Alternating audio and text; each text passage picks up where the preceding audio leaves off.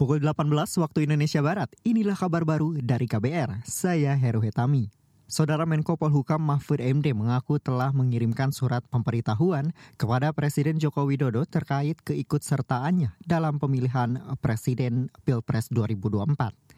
Itu disampaikan Mahfud usai diumumkan menjadi pendamping Ganjar Pranowo oleh PDIP hari ini. Bapak sudah memberitahu Pak Presiden soal menunjukkan Bapak sebagai cawapres Pak Ganjar. Saya kirim surat. Surat apa isinya Pak? Surat pemberitahuan. Menko Polhukam Mahfud MD mengatakan belum mengajukan cuti kerja karena belum memasuki masa kampanye. Ia juga memastikan tidak mundur sebagai menteri di Kabinet Indonesia Maju.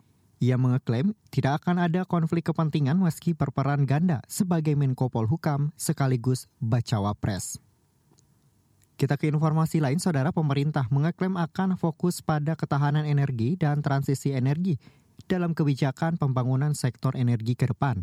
Menteri Perencanaan Pembangunan Nasional PPN Suharso Monoarfa berharap kebijakan transisi energi di Indonesia bisa mencapai emisi nol bersih NZE pada 2060. Dan transisi energi tentu tidak hanya uh, berkenaan atau terkait dengan transisi energi bersih, tetapi juga uh, dalam hal uh, dari sisi supply-nya yang lebih berkeadilan, inklusif dan berkelanjutan.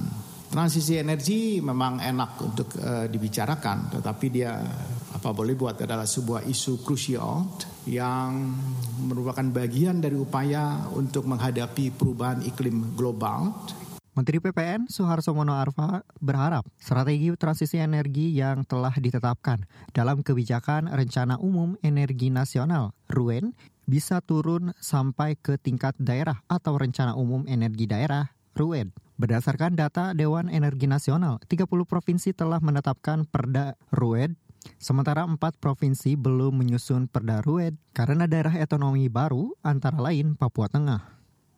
Kita ke informasi selanjutnya, saudara belasan perjalanan kereta api tujuan Surabaya, Blitar, dan Malang terhambat hingga berjam-jam akibat anjloknya KA Argo Semeru di wilayah Yogyakarta kemarin. Saat ini upaya perbaikan jalur dan evakuasi gerbong kereta api masih berlangsung. Juru bicara Daop 7 Madiun Immanuel Setiabudi Herwanto mengatakan sejumlah rute perjalanan kereta api dari arah Surabaya yang melintasi wilayah Daop 7 dialihkan. Sampai dengan saat ini perjalanan kereta api yang melewati jalur selatan masih mengalami rekayasa pola operasi dengan perjalanan melewati Semarang atau jalur utara.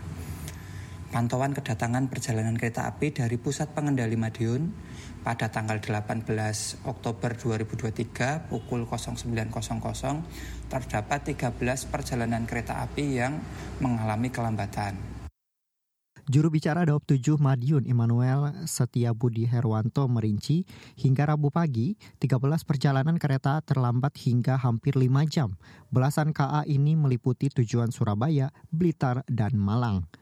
PT KAI memberikan kompensasi berupa pengembalian tiket untuk penumpang yang berniat membatalkan perjalanan hingga 100%. Pukul 18 waktu Indonesia Barat, inilah kabar baru dari KBR. Saya Heru Hetami.